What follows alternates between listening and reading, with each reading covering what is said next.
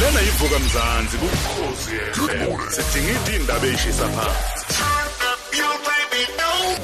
ukhosi FM uzalo nje umuntu yonke into bekade ihambela kahle ngazange kube bikho lutho eh, olukhona kuyena. Kanti kuzoba khona ingozi eh, yamshiya ke ese ngemoto yamshiya ke eseleke ehamba ngewheelchair. Zamani wayigibele evenini ngemuva eh kanti ke iveni izoshayisana ke nenye ke imoto eh kwaseke kwenzeka leyo ngozi leyo. Zamani sikubingelele sikwamukele kukhoze kuseni yebo njalo sikhulumeza wathi ah sikhona bhuti wami kuhamba kahle kuwe. Hayi angayiboni inkinga mhlawumbe ngaqhamuka nomuntu ya. ngiyayithanda leyo asiboni inkinga hayi ngamari iqhamuke nomuntu ngamari iqhamuke nomuntu yeah ngoba manje akayiboni inkinga mfowethu ake siqaleni ngalolu daba lwakho lo October 2012 yes yes yes. Mm sengingathi uyikha kancane phezulu. Eh unganginika isithombe nje sengizwa ngawe msalofu. Nakho nigibele emotweni yenzeka lenkinga yini yokuqala efike enqondweni yakho? Eh engakusho nje uzamani engikhuluma naye wamthetho ekhaya kusemandeni. Kube kasitheme emakhempini masekuba nasemandeni esigalamba okuhlala ngihlala isitenga manje. Okwenzakalayo ngo-2012 sasiyofihla umngane wethu. So mase sisi siqedile yonke into nami ngingena emotweni siya kwenye indawo. Manje ngiyaphaphama sengiphaphama nama ambulance manje khona nomndeni yonke into la week okwenze njani kuthiwa hayi wena ulimele ngaze kube khona ingozi yemoto kanjani nize ngitholeke nosipheleke ukuthi hayi ndoda wena indaba yakho eyokuhambayo awu yabona eh Mako kwenziwa njani ngoba phela manje ngidaba ngani bami la kufanele ngihambe nabo. Fanele futhi mina ngiqhubeke nempilo. Ngizoyenza kanjani yonke lento? Bazothina abantu manje mina bese ngibona ngihamba kahle.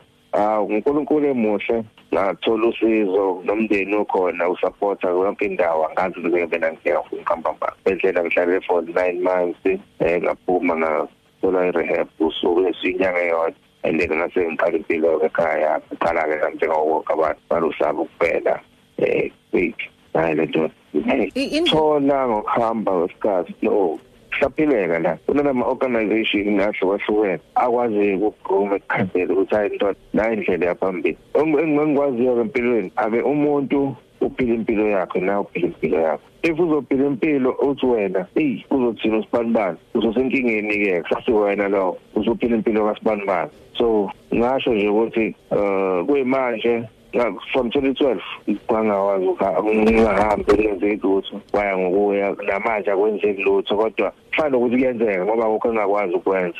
Uma ngithi uma ngithi akukho engakwazi ukwenza ngiqonde konke nje kahle kahle empilo emhlabeni sonke sikhubazeke ngendlela ehlukene. So if wena okwakho sekubonakala ukuthi ukhubazekile ngalendlela ekhubazeke ngayo it. Wena ongakaboni ukuthi ukhubazekile usenkingeni uzama ukubuza ukuthi yini into ingenzeki kodwa ukwazi ukwenza konke. Mase ngiba wena egalelo ke la RAF lenze kakhulu kwezinye izinto. Cabanga ukuthi lokho kudinga wona uma uchaza zamani ngathi nje kuvele kwalula eh wakwazi ukuthi kwamukele kodwa kubuye kuvela ukuthi wakwaba nokuyibuza ukuthi engizokwenza kanjani abantu bazothini? Wayenqoba kanjani leyo mcabango? Wayinqoba kanjani leyo mizo? Ngathini ngathi konke kukuwena ngaphansi emqondweni wakho ukuthi uzingakwazi ukwenza lokho.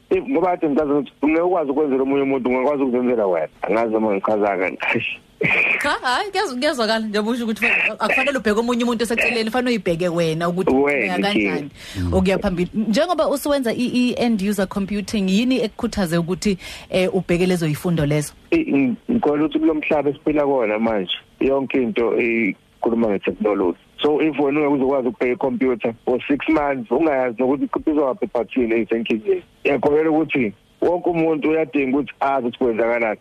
Ngoba ekugcineni yonke izogcina siyenza ungaphethe cash uke ungaphethe lutho. Uqhubhize lapha uthinte lapha uthinte lapha ngoba kwenzeka kuyimanje ukwazi ukuthenga ngisho online iproduct yakhe bedeliver endlini. Ukule ukwazi ukwenza ubungazi ukuthi kwenzakalani ngecomputer qobo lalo qobo kuzwakala kahle kakhulu eh zamani uzamani imithetho isambele sethu yasho ukuthi uhlala lapha emandeni. Ngicabanga ukuthi eh no- nomuntu mhlambe ozithola esakhungathekile manje sadidekile uthi ayibonge zithola ngikulesimo nginqoba kanjani? Cabanga ukuthi amagama a- azamana yamkhuthaza sepho ya kakhulu kakhulu. Samani no asivaleni ke ngokuthi um impilo iyaqhubeka. Impilo iyaqhubeka mhlakazi bengicela futhi ukuthi intsha yethu le siphila kuyona manje ihloniphe umgwaqo bafethu ngiyacela. Kahle kahle masikhumbula disability not a choice awukwazi ukuthi mina ngicela ukukhubazeka Yeah. but manje kufikile futhi eh kuba inkinga kakhulu. Eh Okay, mabrothers sikufisela konke okuhle ke man, uqhubeke kahle ke lapho. Ngiyazi ukuthi sikhiphe eclassini eh wenze end user computing eh sengathi ungaqhubeka futhi na kanjani ungelinye lamaqhaba siqhenyayo ngalo. okay so khona Okay. So ngakhulu ke kuzamani mthethwa sibheka ke ki disability 360 sibheka abantu abathe angeke ngikhale because ukukhala ngeke kuze kungisize ngalutho kodwa ngivuke kube khona engizenzela khona. ngivuke ngiyithathe ngibheke indlela eqhubekela phambili ida isidlo sasekuseni uphezu kwezingxoxo ezakhaya uvuka mzansi ukhosi FM Good morning.